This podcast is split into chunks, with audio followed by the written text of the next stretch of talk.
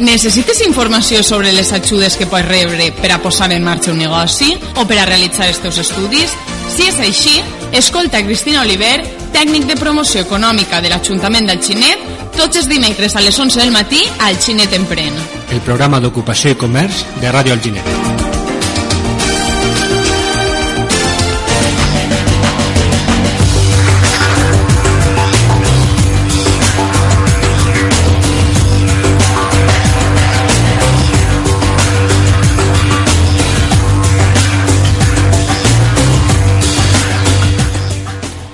Molt bon dia a tots els nostres oients. Avui és 26 de setembre i quasi quasi rosem l'equador de la setmana. I què significa això?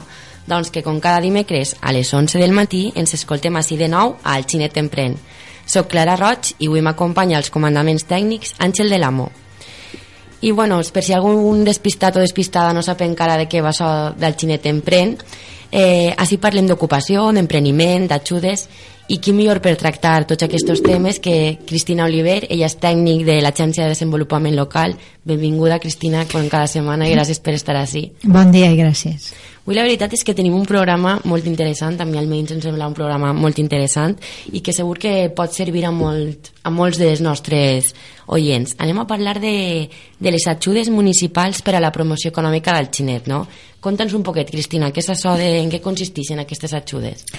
Pues eh, l'Ajuntament eh, al llarg dels anys eh, pues va detectar eh, que n'hi havia cada vegada més una, un número més nombrós d'emprenedors, de, de persones que, que tenien pues, una idea de negoci eh, o que tenia uns recursos i pues, volia posar-los en marxa però no sabia ni com ni tenia eh, la formació adequada no tenia l'assessorament tècnic que calia Aleshores, en el 2012 se va fer un estudi de nichos d'ocupació per a veure més o més detectar en el municipi pues, què tipus d'activitats eh, podrien tindre èxit i que no teníem i, eh, i al, al millor eh, en, en pobles de l'entorn sí que pues, estaven aquestes activitats, funcionaven bé i tal. Era com una font d'idees eh, que podien trasladar als emprenedors pues, sobretot pues, a aquella gent que estava en el paro, havia, havia sol·licitat el pago únic i no sabia on invertir-ho, eh, tenia un perfil d'emprenedor perquè tenia un, pues, unes inquietuds i tal, però no sabia exactament quines activitats. Bueno, en el 2013 l'Ajuntament comença a aprovar eh, o confecciona unes bases reguladores en les quals pues, ahí tenien que determinar eh, quin concepte anaven a subvencionar, eh, què tipus de, de persones podien demanar-ho, eh, el, la quantia de l'ajuda, els requisits i després pues, el, pues, bueno, tot el que en comporta no? les bases reguladores. En l'any 2013 va ser la primera edició eh, mm, clar, teníem ja pues, una, una, un llistat d'emprenedors de, que estaven ahí, que sabien que s'havien donat d'alta i començàvem a treballar un poc. Sí que és cert que prèviament passaven per l'agència pues, eh, pues un poc pues, eh, l'agència tenia pues, un, unes fitxes de demanda d'ells, de, tenien un pla més o menys elaborat de viabilitat econòmica, perquè sí, és, sí que és cert que la primera fase d'informació i motivació a l'autoocupació, eh, eh, pues, eh, nosaltres el que fem és detectar efectivament si té el perfil d'emprenedor, li, li sobretot fem un poc d'abogado del diablo, no? de dir, a veure més o més, has tingut en compte això, has fet un xocotet estudi previ de les necessitats que n'hi ha, eh, has tingut en compte aquests ingressos, els gastos i tal, Exacte, no? Exacte, tinc la idea un poc madurada, Clar, no? Efectivament, tu ho has dit. Entonces, mirar un poc en quina fase estava i, sobretot, eh, pues, eh, fer-li un itinerari d'informació i assessorament cap a l'autoocupació. La, Aleshores van començar així en el 2013 i fins ara, pues, bueno, cada volta, cada vegada ha augmentat molt més el número d'emprenedors perquè, clar, pues, comença a donar diners a l'Ajuntament, a recolzar-los públicament, es fer més plans eh, de viabilitat econòmica i, eh, pues, ja t'he dit, ja siga servicis o tendes físiques o ara, ara que està més de moda, mm. venda online i tal, pues cada volta hi ha més servicis i més activitat econòmica. Val. Al llarg del, del temps, pues, un poc per ara resumir les bases, sí que ha hagut modificacions, perquè clar, el primer any ho fem d'una forma, el segon any d'una altra, vegem, vegem sobretot l'impacte de, de l'ajuda econòmica com, com s'ha desenvolupat en el termini, aleshores eh, cada vegada tenim més flexibilitat no? els requisits són més flexibles perquè al final el que vull tot és diversificar l'economia i que la gent vinga i que monte es va un negoci. un poc a la necessitat no? que n'hi ha en el xinet. Exacte. Entonces les, les bases eh, regulen dos tipus d'ajudes. Unes eh, ajudes a emprenedors i unes ajudes a les empreses per a contratar persones del poble. I així està regulat en, el, en les bases. Eh, en primer lloc, ja siga per a unes ajudes o per als altres, estem parlant d'emprenedors que estan en situació de demanda d'empleo, és a dir, inscrits oficialment com a demandant d'ocupació en el CERVEF, i en el cas de contratació s'ha de contractar persones que estiguen empadronades en el poble i que és, és un requisit sine qua non que també estiguen inscrites com a demandants d'ocupació. Per, perquè sàpien els nostres oients, estem parlant ja dels requisits que, que es necessiten per a optar a aquestes ajudes. Uh -huh. Eh, en principi, què és el que se subvenciona? No? El concepte, què és el que l'Ajuntament eh, subvenciona?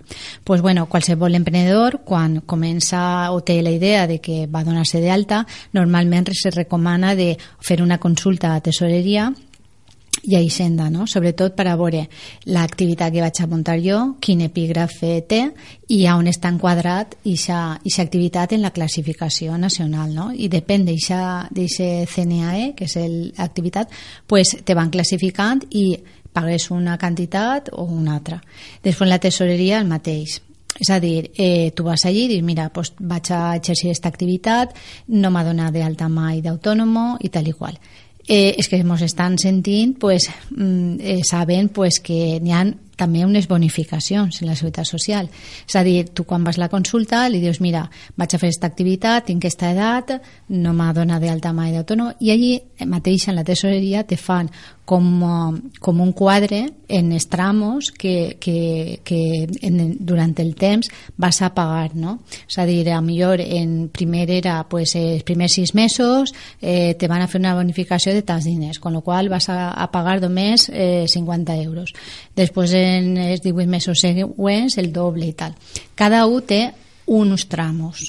Això no és estàndard. Exacte vale? perquè esta matí ha vingut també una emprenedora i allà no li han aplicat les bonificacions, és a dir, que vull que ho tinga clar, perquè, perquè la normativa també varia molt. Vale? Primer era per a joves de, de 30 anys se li aplica una, una bonificació. Ara no, ara s'aplica a tots antes era els primers sis mesos i ara són els, els dos anys. Vull dir, eh, jo recomane que se'n vagi, se fa una consulta i a cada un se li aplica unes bonificacions. Val. De lo que sí està clar és que ha de pagar la Seguretat Social. Val?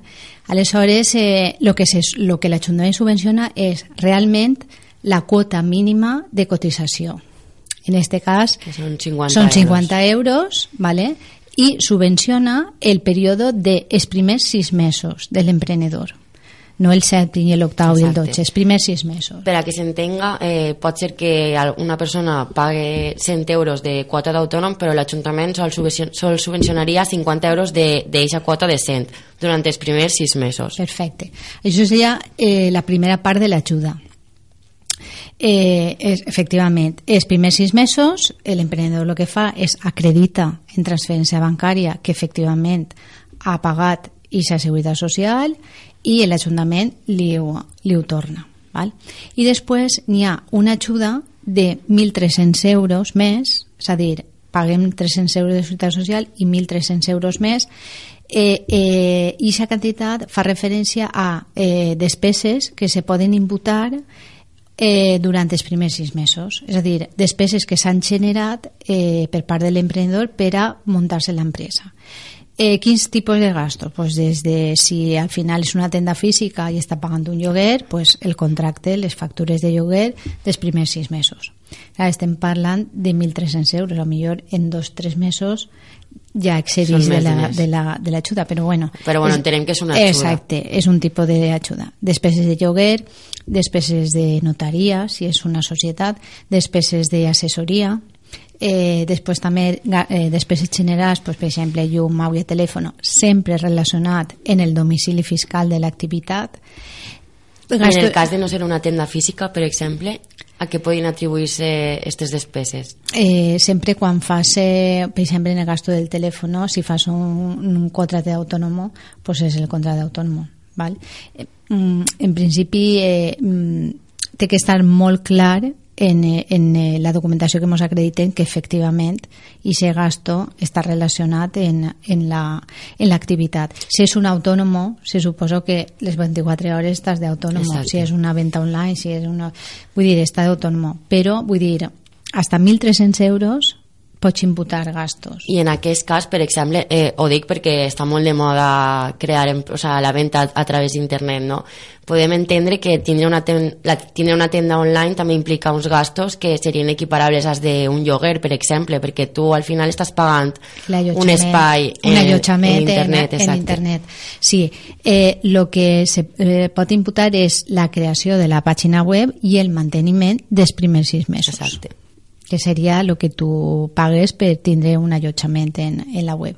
pues això, sempre tot relacionat. Eh, sí que és cert que cada un a veure, cada emprenedor o cada sol·licitud se veu en lupa, Exacte. perquè clar, mm, eh, diu, és que l'Ajuntament dona 1.600 euros. Mm, a veure, tots no van a cobrar 1.600 euros, depèn de lo que tu mos acredites. Si mos acredites això i ho comprovem que està correcte, bé, i si no, fins a 1.600 euros tindràs.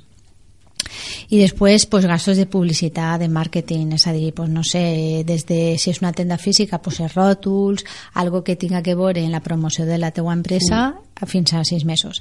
Si és alguna campanya de publicitat que, que puguem acreditar que efectivament eh, s'ha fet, s'ha realitzat en factura i tal, també.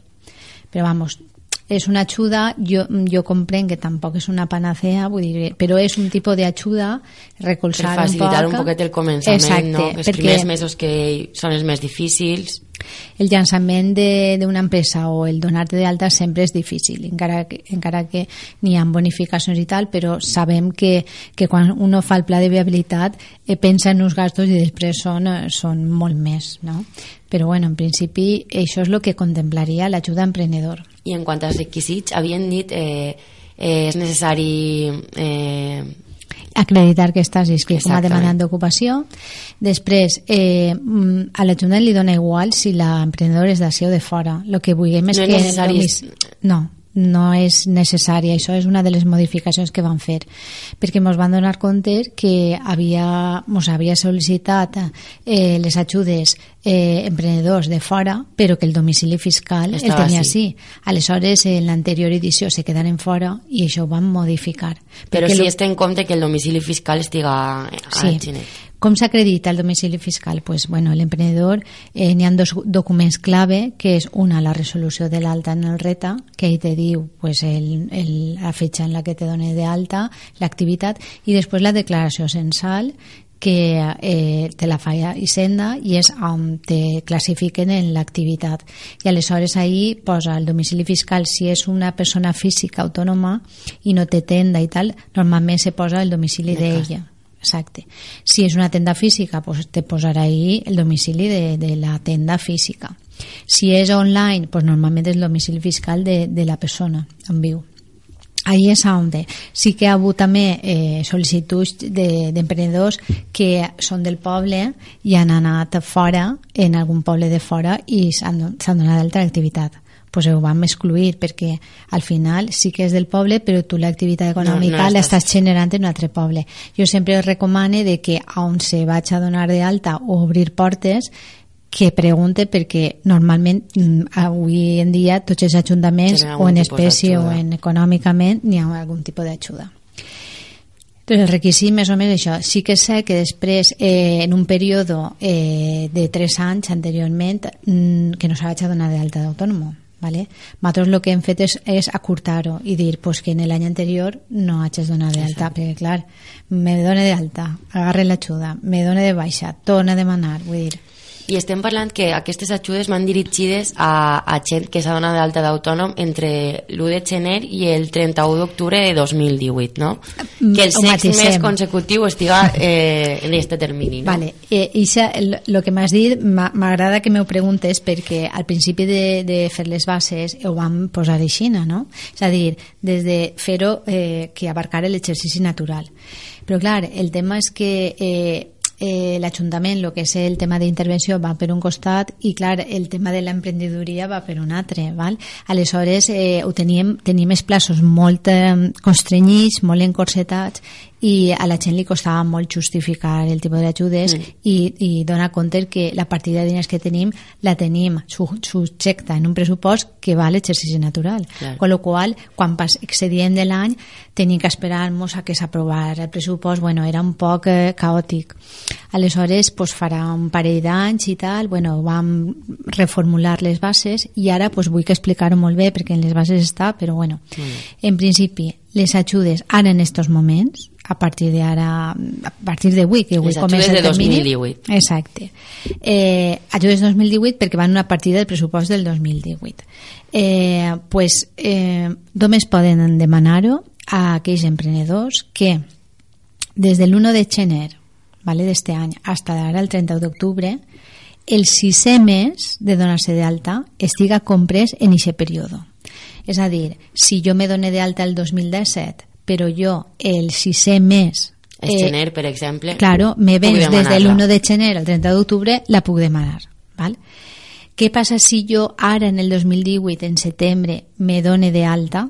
No la puc demanar? No. Perquè si uno se dona de alta en setembre, pues és setembre, octubre, novembre, desembre, gener, febrer del Contaria el 2019. següent any. Con lo qual, en març del 2019 tornaria, eh, demanaria l'ajuda. Ens tindrien que esperar el pressupost del 2009 per a demanar. Per a mi jo crec que és més fàcil perquè en el moment que tu sol·licites tu ja has generat tota la documentació i tu pots Acreditar, justificar en el mateix acte tot, que era un dels problemes, perquè clar, una cosa és que en aquell entonces pues fem, eh, tens aprovat l'ajuda, però clar, a millor feia un mes que s'havia donat d'alta, con lo qual el que ja havia generat els sis mesos se tenia que esperar a que els altres emprenedors generaren els sis primers mesos para poder cobrar Clar. i liquidar. I, bueno, era un És una bona notícia per caòtic. als que ja han emprès aquest any o finals del 2017, una Sí. mala notícia per als que Sí. vulguin fer a partir d'ara, no? Sí. Tindran que esperar un poquet més. Sí, de tota manera, vull dir, l'Ajuntament des del 2013 eh, primer dona una partida de 50.000 euros i pràcticament eh, la liquidàvem pràcticament.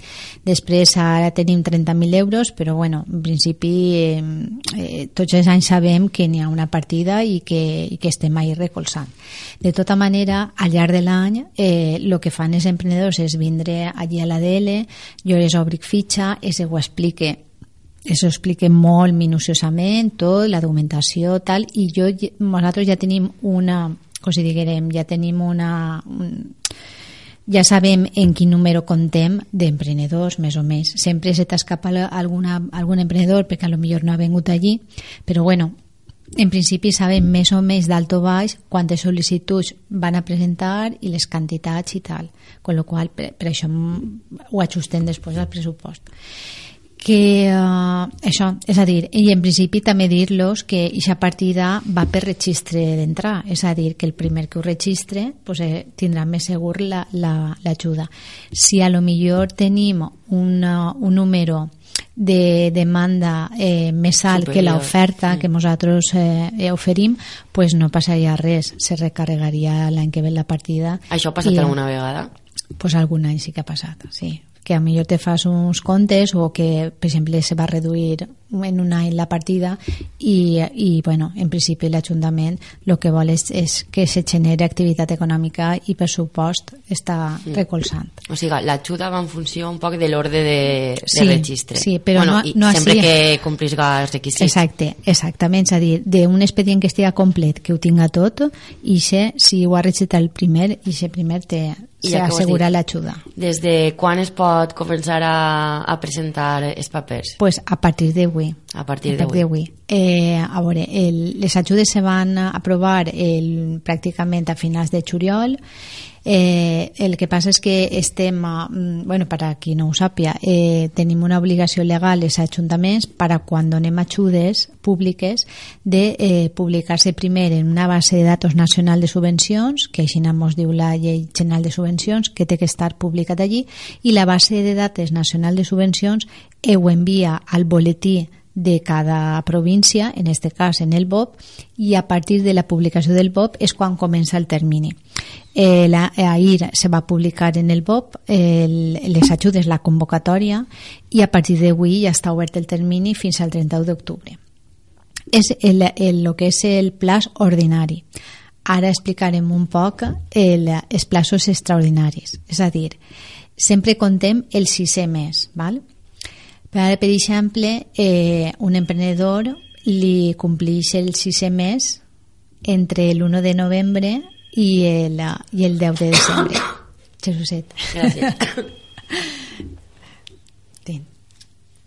Val? Eh, N'hi ha un període d'un mes i mig que, clar, mm, també mos diuen els emprenedors, bueno, i, i què fem? Si nosaltres mos vens el sisè mes ja no puguem entrar perquè el plaç ordinari Exacte. acaba el no 30 entra d'octubre. ni en una convocatòria ni, ni Exacte, en la següent, ni en l'altra no? tampoc. Aleshores, eh, el que van fer ja l'edició passada ja ho van fer donem un plaç extraordinari només a aquells, aquelles sol·licituds que ens demanen l'ajuda perquè el sisè mes vens en aquest període i, i més o més ja ho sabem perquè tenim ja les, les fitxes i tal. Entonces vull dir, però el general és fins al 31 d'octubre. Bueno, això en quant a les ajudes a emprenedors. Què és el que han de portar? Pues, eh, fotocòpies del DNI, de la targeta del paro, vida laboral, la resolució de l'alta d'autònomos, la declaració censal i després en base a que si demanen el que són també la- l'ajuda la, als gastos pues seria en cas de lloguer el contracte de lloguer, factures, Factures, transferències bancàries acreditar, sí. i sobretot una cosa que sempre es dic als emprenedors que no paguen res al comptat tot en transferència bancària perquè si no no poden acreditar Clar. ni esta ni ninguna ajuda I una pregunta que, que m'ha sorgit. Si són dues persones les que han, han muntat un, un negoci, podrien les dues persones demanar eh, les ajudes? Per exemple, en el cas de la quota d'autònom? A veure, en principi, eh, les formes jurídiques en les que se, uno se dona de alta són molt, molt variades, no? La, la més normal és la que és una persona física que se dona de alta autònoma, no n'hi ha problema. Eh, en cas de societat limitada, que n'hi hagi un administrador únic, que siga una persona física, ella mateixa. A, abans, ara perquè ara va desapareguent la comunitat de béns, però en aquell entonces la comunitat de béns eh, és, són dos persones i se donen d'alta d'autònomos, les dos poden demanar-ho, sempre que ho demanen com a persona física, no pots demanar-ho com a comunitat de béns, val? Després, en el tema de cooperatives, pues, cooperatives, eh, el que se dona de alta, ells ja tenen les seues ajudes de cope- d'economia social. Aleshores van per un altre règim. I després el resto de- d'autònomos, pues, tots eh, socios, eh, sempre que tingues el 51% de les accions en una societat i que te dones de alta, ho pots demanar també. Val? Tema d'autònomo col·laborador, que és un de les, de les, de, de les dudes i consultes que me, que me diuen. A veure, el tema d'autònom col·laborador és una persona que està ajudant a l'autònomo principal, que a voltes pot ser un familiar o pot ser algun... Val. L'autònom col·laborador, en aquest cas, només podria demanar les ajudes a la Seguretat Social. Val? Per què? Perquè no es permeteix facturar, con lo qual, perquè factura l'autònom principal. Val? Exacte. Aleshores, només podria demanar ISES, però pot demanar-ho perfectament, no n'hi ha ningun problema. Molt bé. Eh, no sé si vols afegir alguna cosa més, Cristina, sobre aquestes ajudes. Eh, lo dels emprenedors està tot Exacte. correcte. Vale. I després les ajudes a la contratació, contratació. pues en principi, les ajudes a la contratació molt ràpidament. Eh, en principi, l'empresa que ho sol·licita mos dona igual d'on siga, de fora, de d'ací del poble, de fora. L'únic que demanem és que la contratació que realitze la faça a una persona desocupada que acredite que està inscrita com a demanda d'ocupació en, en el servei corresponent d'ací, que és el de Carlet que hi un requisit. Dos, que el contracte el faça com a mínim de sis mesos, és a dir, o tres més tres. Mos dona igual tipus de modalitat, que siga indefinit, temporal, d'obra o servicio, formació, pràctiques, mos dona mm. igual. El, I que la jornada de treball siga mínim 25 hores. Això és els requisits no n'hi ha ningú. Sí que és cert que després és les obligacions que té que tenir l'empresa és que estigui, ho tinga tot bé, que estigui al corrent mm. de, de, dels pagos de la Seguretat Social, d'Hacienda... I la quantia de les ajudes és la mateixa, 1.600 no? euros per contratació. N'hi ha algun tope per empresa? En principi no. ¿sí? sempre que ho tinga tot correcte i tal, una empresa podem anar una ajuda, dos, tres, les que necessiti, sempre que contrata gent del poble. I ahir no n'hi ha termini no, no, ha de, no, de, no ha de ser en els sis mesos sí, sí, ah, igual, igual, el mateix. el mateix període sí, per, perdona, sí, el, mism, el mateix des de que el sisè mes del contracte vença entre l'1 de gener i el 30 d'octubre i el període excepcional que si el sisè mes del contracte vens entre el 1 de novembre i el 10 de desembre ho podem anar en aquest període de temps. exacte. Vull dir que en principi l'única cosa que canvia és que si una empresa podem anar per exemple dos ajudes per, tin, per, per tindre dos persones contractades no? efectivament. I sempre que l'empresa i sa contratació d'aquesta persona i persona no hagi tingut ninguna relació laboral en l'any anterior. En la mateixa empresa. Claro, perquè moltes empreses amortitzen un lloc, agarren una, una altra ajuda d'una altra persona que està en... No, anem a, les bases estan molt claret, vull dir, hi ha unes obligacions per a l'empresa i els requisits que tenen que complir els treballadors. Exacte. Eh, aquestes ajudes són compatibles o incompatibles en el resto? A veure, en principi són compatibles en tot, sempre que, perquè clar, l'Ajuntament fa una ajuda a fondo perdut para, tant per la Seguretat Social com per a gastos. N'hi ha emprenedors que han vengut, que, han de, que, han, que van a sol·licitar o han sol·licitat aquestes ajudes i després han demanat les ajudes a conselleria, per exemple. pues, sempre que no siga per al mateix gasto, és a dir, eh, n'hi ha, una, ha un seguiment, hi ha un registre, és a dir, una persona no pot rebre un mateix tipus d'ajuda en, la, en el mateix gasto, el mateix concepte subvencionable. Això ho tenim clar, per això ni està el règim de mínims per a tindre un tope en les ajudes. Exacte. Doncs si no vols afegir res més, Cristina, jo crec que ha quedat tot molt clar. Gràcies per, per haver estat així nosaltres una vegada més, per acompanyar-nos i t'esperem, com sempre, la setmana que ve. Molt bé, gràcies i esperem res que aquest espai avui hagi motivat i sobretot hagi servit a totes aquelles persones que volen emprendre o volen contractar alguna persona, que tenen una idea, moltes ganes i sobretot pues, un somni per complir. No? Eh, gràcies per estar ahí i espero que acabo de passar un molt bon dia.